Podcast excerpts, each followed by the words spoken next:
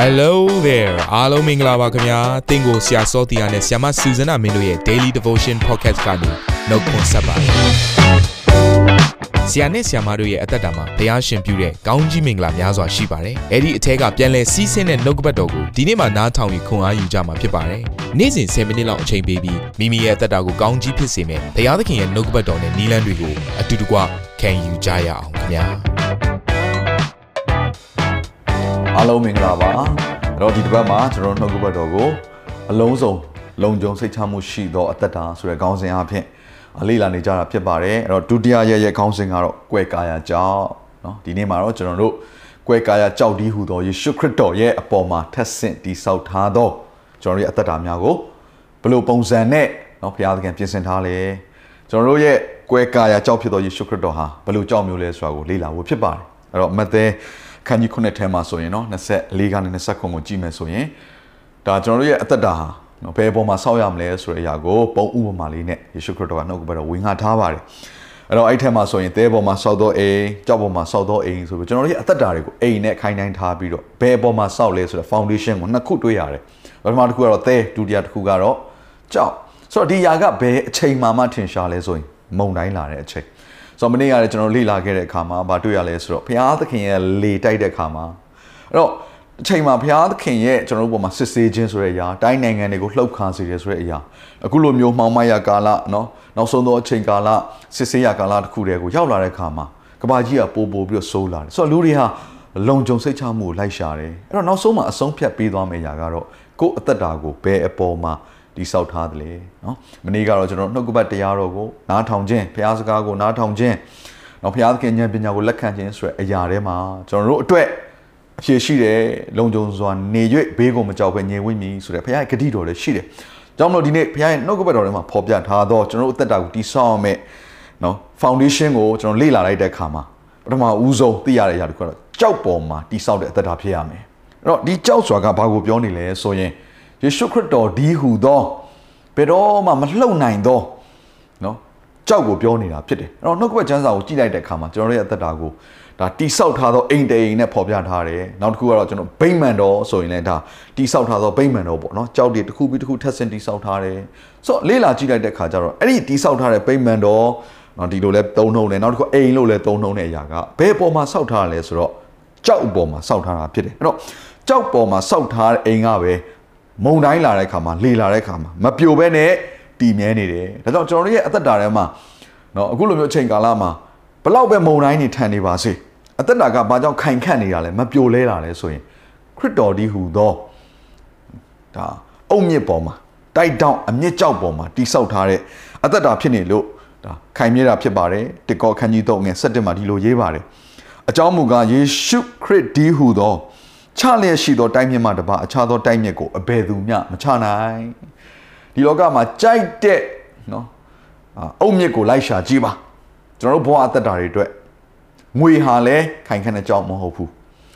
မြင်ရတဲ့အားကိုးစရာကောင်းတဲ့လူတွေအဖွဲ့အစည်းတွေကလည်းခိုင်ခန့်တဲ့ကြောင်းမဟုတ်ဘူးနောက်ဆုံးကုန်ကုန်ပြောရရင်အစိုးရတိုင်းနိုင်ငံတွေလည်းဒါတုံလှုပ်နေကြတာတနိုင်ငံနဲ့တနိုင်ငံเนาะစစ်ပြိုင်ပြီးတော့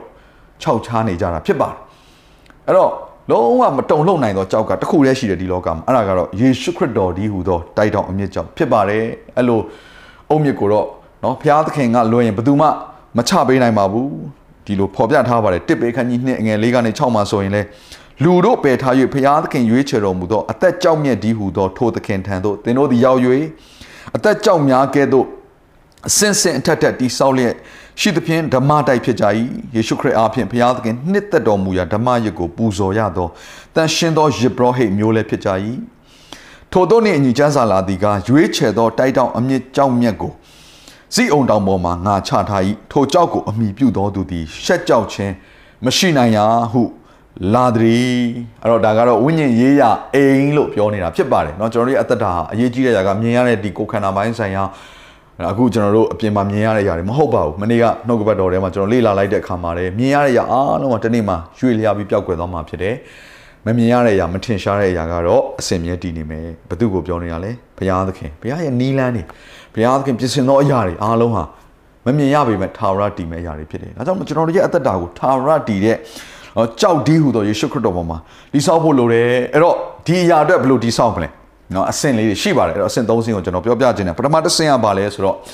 သင်ရဲ့အသက်တာတိဆောက်ထားသောနော်အုံမြင့်အသေးသေးရှိတဲ့အရာဟာဘယ်အရာတွေဖြစ်မလဲအားလုံးကိုပထမဦးဆုံးညှင်းဆန်လိုက်ဖို့ဖြစ်တယ်ဒါကိုယ့်ရဲ့အသက်တာကိုနော်ကြောက်ပေါ်မှာဘယ်လိုတိဆောက်မလဲဆိုတဲ့နီလန်တွေကပထမတစ်ဆင့်က တိဆောက်ထားခဲ့ပြီးသားကိုမိခိုနေတဲ့အရာတွေကိုကိုးစားနေတဲ့အရာတွေကိုယ့်သက်တာထဲမှာအုံမြင့်ချထားတဲ့အရာအားလုံးကိုဘယ်အရာဖြစ်ဖြစ်အကုန်လုံးညှင်းဆန်လိုက်ဖို့ဖြစ်တယ်ပထမတစ်ခုအဲ့ဒါပြီးဒုတိယတစ်ဆင့်ကတော့ကိုယ့်ရဲ့အသက်တာတစ်ခုလုံးကိုယေရှုခရစ်တော်ကိုအနံလိုက်ဖို့ဖြစ်တယ်ယေရှုခရစ်တော်ကိုမိမိရဲ့ကယ်တင်ပါရှင်နဲ့အရှင်သခင်ဖြစ်ကြိုးဆိုလိုက်ဖို့ဖြစ်တယ်နော်ကိုယ့်ရဲ့အသက်တာကိုထိုခရစ်တော်ရဲ့အထဲမှာနော်တခါတည်းဝင်သွားဖို့ဖြစ်တယ်ထိုခရစ်တော်အထဲကိုကိုယ့်ရဲ့အသက်တာကိုလုံးလုံးစက္ကန့်အနံလိုက်ဖို့ဖြစ်ပါတယ်ကဲ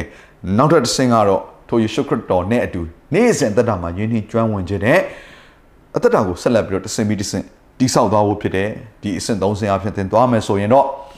အရင်တော့ကတိဆောက်ခဲ့သမျှ foundation အားလုံးအုံမြအားလုံးကိုသင်ညှင်းဆန်ပြီးတော့ယေရှုခရစ်တော်အပေါ်မှာကျွန်တော်ရဲ့အသက်တာကိုတိဆောက်ဖို့ရန်အစာပြုလိုက်ခြင်းလည်းဖြစ်ပါတယ်။အဲ့တော့စာလံ23ငွေ1ကနေ4ကတော့နော်သူတိဆောက်ထားတဲ့ဒီစာလံဆရာကသူတိဆောက်ထားတဲ့သူ့ရဲ့ဘဝအသက်တာ ဘသူရဲ့လက်ထဲမှာရှိတယ်လေဘယ်ပေါ်မှာတိဆောက်ထားတယ်ဆိုတော့စိတ်ချလက်ချပြောတဲ့အနှုတ်ကပကျမ်းစာဖြစ်ပါတယ်အဲ့တော့စာလံ23ကတော့ကျွန်တော်အားလုံးယဉ်ကျေးတဲ့ကျမ်းစာဖြစ်တော့ကြောင့်လို့ကျွန်တော်ဒီຢာလေးကိုအနေငယ်ဖတ်ချင်ပါတယ်ထာဝရဘုရားသည်ငါဤသိုးထိန်ဖြစ်တော်မူ၏ငါသည်ဆင်းရဲမခံရအဲ့တော့ငါဆင်းရဲမခံရဘူးဆိုတဲ့စိတ်ချမှုဘယ်ကလာလဲထာဝရဘုရားငါသိုးထိန်ဖြစ်တယ်ဆိုတဲ့အရာကိုသူသိလို့ဖြစ်တယ်ထာဝရဘုရားငါငါရဲ့သိုးထိန်ဖြစ်တယ်ဆိုတာကိုစိတ်ချမှုရှိတဲ့အရာကသူ့ရဲ့ရလက်ကဘာထွက်လာလဲဆိုတော့ ငါဆင်းရဲမခံရတော့ဘူးဆိုတဲ့အရာစိတ်ချမှုဖြစ်လာတယ်။ကြောင့်တရားတက်တာထဲမှာစိတ်ချမှုဆိုတဲ့အရင်မြစ်ဘယ်ကလာလဲဆိုရင်ကိုယ့်အသက်တာကိုဘုရားသခင်လက်ထက်မှာအနှံခြင်းကပဲလာပါတယ်။ကိုယ့်ကိုဥဆောင်နေတဲ့လူဟာဘယ်သူလဲဆိုတာကိုသိခြင်းဟာကျွန်တော်တို့ကိုစိတ်ချမှုဖြစ်စေတယ်။ကအငယ်နှစ်မှာစိန်လန်းသောချက်စားအရ၌ငါ့ကိုအိတ်စေတော်မူ၏။တာယာသောမျက်နာသို့လမ်းပြတော်မူ၏။ဆိုတော့ကိုယ့်ရဲ့တိုးထိန်ကကိုယ့်ကိုဘယ်နေရာကိုဆွဲခေါ်သွားမလဲဆိုတာကိုလေသူကသိနေပြန်တယ်ဒါကြောင့်ထိုရာက စိတ်ချမှုကိုဖြစ်စေတယ်။အခါငယ်သုံးမှာငါဝိညာဉ်ကိုအားဖြည့်၍နာမတော်ဖို့လုံကတရားလမ်းတဲ့၌သွေးဆောင်တော်မူ၏အကယ်၍သေမင်းအရေးလွှမ်းမိုးသောကြိုင်တဲ့သို့ရှောက်သွားရတော်လဲဘေးရန်တွေကိုမကြောက်ပါအကြောင်းမူကားကိုရောသည်ကျွန်ုပ်နှင့်အတူရှိတော်မူသည်ဖြစ်၍လှန်တန်တော်နှင့်တောင်ဝေးတော်သည်အကျွန်ုပ်ကိုချမ်းသာစေပါ၏အဲ့တော့ဘလို့အချိန်မှလဲသူကစိတ်ချနေလဲဆိုတော့เนาะသူရဲ့တရချမ်းသာမှုရလဲရတဲ့ຢာကိုသူကဝန်ခံရဲလဲဆိုတော့တေခြင်းဆိုတဲ့ဂျိုင်ဝမ်းထဲမှာရှောက်ရတဲ့အချိန်မှာပင်ရန်သူများပက်လက်ဝိုင်းနေတဲ့အချိန်မှာပင်လေ ငါ့ကိုချမ်းသာစေတယ်ဒါကြောင့်ကျွန်တော်ပြောပြမယ်ဒီနေ့တင့်ဘဝအသက်တာရဲ့လုံခြုံစိတ်ချစရာကဘယ်သူစီမှာပဲရှိလဲဆိုရင်တင့်ကိုဥဆောင်နေသောသခင်စီမှာပဲရှိတယ်ထို့သခင်ဟာယေရှုခရစ်တော်ဖြစ်တယ်ဆိုရင်တော့ထို့သခင်ဟာတင့်ရဲ့သိုးထိန်ဖြစ်တယ်ဆိုရင်တော့ထို့သခင်ဟာတင့်ရဲ့ဘဝအသက်တာတည်ဆောက်တဲ့အခြေခံအုံမြင့်နော်တိုက်တောင်အမြင့်ကြောင့်ဖြစ်တယ်ဆိုရင်တော့တင့်ရဲ့အသက်တာလှုပ်ရှားခြင်းမရှိရဘူးအာမင်နော်အဲ့တော့ယေရှုခရစ်တော်နဲ့တင့်ကြားထဲမှာရှိတဲ့ထို့တည်ဆောက်ထားသော relationship နော် ချိတ်ဆက်ထားခြင်းကိုဘယ်ရာကမှမပြိုကွဲစေဘူးမလှဲချနိုင်ဘူးဆိုတဲ့အရာကိုနှုတ်ကပတ်တော်ထဲမှာပဲဘုရားကခတိပေးထားတယ်ယောမအခန်းကြီး၈ငွေ38ကနေ39မှာဒီလိုရေးပါတယ်အကြောင်းမူကားတေခြင်းဖြစ်စေအသက်ရှင်ခြင်းဖြစ်စေကောင်းကင်တမန်ဖြစ်စေအထွတ်မြတ်ဖြစ်စေအာနာတကိုဖြစ်စေမျက်မှောက်ရာဖြစ်စေနောင်လာတန်သောအရာဖြစ်စေအမြင့်ဖြစ်စေအနှိမ်ဖြစ်စေဤယာမဆာ၍အဘယ်နမိတ်တအရာမြသည်ငါတို့သခင်ယေရှုခရစ်အားဖြင့်ခံရသောဘုရားသခင်မြတ်တာတော်နှင့်ငါတို့ကိုမကွာစေနိုင်ဟုငါသည် သဘောကြလျက်ရှိ၏အကုန်အစုံကိုပြောသွားတာဘလို့အခြေအနေပဲဖြစ်ဖြစ်ဘသူကပဲဖြစ်ဖြစ်ဘယ်အကြောင်းအရာတွေကပဲဖြစ်ဖြစ်ကျွန်တော်တို့ကိုဘုရားသခင်နဲ့ကျွန်တော်ကြားထဲမှာရှိ relationship ခွဲခွာလို့မရ။ဒါကြောင့်မို့နားလဲစေခြင်းနဲ့ဘလို့မုံတိုင်းပဲလာလာဘုရားသခင်နဲ့ကျွန်တော်တို့ကိုမကွဲကွာစေနိုင်နဲ့အဲ့လောက်ထိခိုင်ခန့်တဲ့အုံမြင့်အဲ့လောက်ထိခိုင်ခန့်တဲ့ relationship ရင်းနှီးကြောင်းမှုသင်နဲ့ယေရှုခရစ်တော်ကြားထဲမှာတိဆောက်ထားမယ်ဆိုရင် သင်အသက်တာဟာလုံခြုံစိတ်ချစရာဖြစ်တယ်ဆင်းရဲမခံရဘူးငြိမ်ဝတ်ပြီးတော့သင်ရဲ့အသက်တာမှာအော်ငါဘဝအသက်တာလုံခြုံပါလားစိတ်ချပါလားဒီလောကမှာရှာလို့မရငြိမ်ဝတ်ချင်းချမ်းသာငါမှရှိပါလားဆိုပြီးတော့ဂျေဇုတော်ချီးမွမ်းစရာအကြောင်းပဲရှိနေပါလိမ့်မယ်အကြောင်းမလို့ခဏလောက်အတူတကွဆူတောင်းခြင်းအဖြစ်အသက်တာများကိုအနှံ့ရအောင်ဘုရားသခင်ကိုရောကိုဂျေဇုတင်ပါတယ်ကျွန်တော်တို့ရဲ့လုံခြုံစိတ်ချစရာဟာဘယ်တော့မှမတုံမလှုပ်နိုင်သောစီအောင်တောင်၌ကိုရောချထားသော တိုက်တောင်အမြင့်ကြောက်တည်ဟူသောယေရှုခရစ်တော်ဖြစ်ပါတယ်ဖဖျားယေရှုဖျားကိုရောကိုယေရှုတင်တယ်ကျွန်တော်တို့ရဲ့အသက်တာကိုကိုရောပေါ်မှာအခြေချပါတယ်ကိုရောသားလည်းကျွန်တော်တို့ရဲ့ကယ်တင်ပိုင်ရှင်နဲ့အရှင်သခင်ဖြစ်ကြောင်းကျွန်တော်တို့တိုးထိန်ဖြစ်ကြောင်းယနေ့ထပ်မံ၍ဝန်ခံကြေညာပါတယ်ဖဖျားခင်ကျွန်တော်ကိုဦးဆောင်ပါကိုရောနဲ့ကျွန်တော်ကြားမှာရှိသော relationship ကိုရောရဲ့အကျွန်ုပ်ပေါ်မှာချစ်တော်ချစ်ချင်းမြတ်တာနဲ့အကျွန်ုပ်ရဲ့ကိုရောကိုစက္ကန့်အနှံခြင်းထို့အရာကိုပေရာကမှမကွဲကွာစေနိုင်သောကြောင့် ကျွန်ုပ်ဒီအသက်တာထဲမှာတကယ်ကိုစိတ်ချခြင်းနဲ့ကိုရောထံကိုတိုးဝင်ပါ၏ကိုရောယေရှုပြုပါယနေ့နှုတ်ကပတ်တော်နားထောင်နေသူတယောက်စီတိုင်းဒီလဲယနေ့နှုတ်ကပတ်တော်အားဖြင့်သူတို့ရဲ့အသက်တာထဲမှာစိတ်ချခြင်းကိုကိုရောပေးပါငြိမ်ဝှက်ခြင်းကိုကိုရောပေးပါ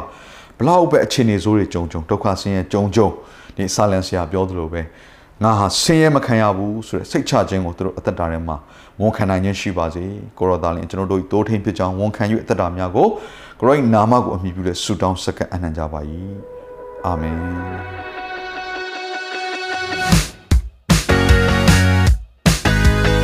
နာတော်တာစင်သူတိုင်းရဲ့အသက်တာမှာကောင်းကြီးဖြစ်မယ်ဆိုတာကိုကျွန်တော်ယုံကြည်ပါတယ်။သင်ရဲ့အသက်တာအတွက်များစွာသော resource တွေနဲ့ update တွေကို Facebook နဲ့ YouTube platform တွေမှာလည်းကျွန်တော်တို့ပြင်ဆင်ထားပါတယ်။ Facebook နဲ့ YouTube တွေမှာဆိုရင် search box ထဲမှာစုစွမ်းနာမင်းလို့ရိုက်ထည့်လိုက်တဲ့အခါအပြရန်အမှန်ချစ်ထားတဲ့ Facebook page နဲ့ YouTube channel ကိုတွေ့ရှိမှာဖြစ်ပါတယ်။နှုတ်ကပတ်တော်တွေကိုဗီဒီယိုအားဖြင့်လည်းခွန်အားယူနိုင်ဖို့ရန်အတွက်အဆင်သင့်ပြင်ဆင်ထားပါတယ်။ကျွန်တော်တို့ဝิญဉ်ရေးရာအတွက်အထူးလိုအပ်တဲ့ဖွင့်ပြခြင်းတွေနဲ့ခွန်အားတွေကိုရယူလိုက်ပါ။ နောက်ရက်များမှာပြန်ဆုံတွေ့ကြရအောင်ခင်ဗျာ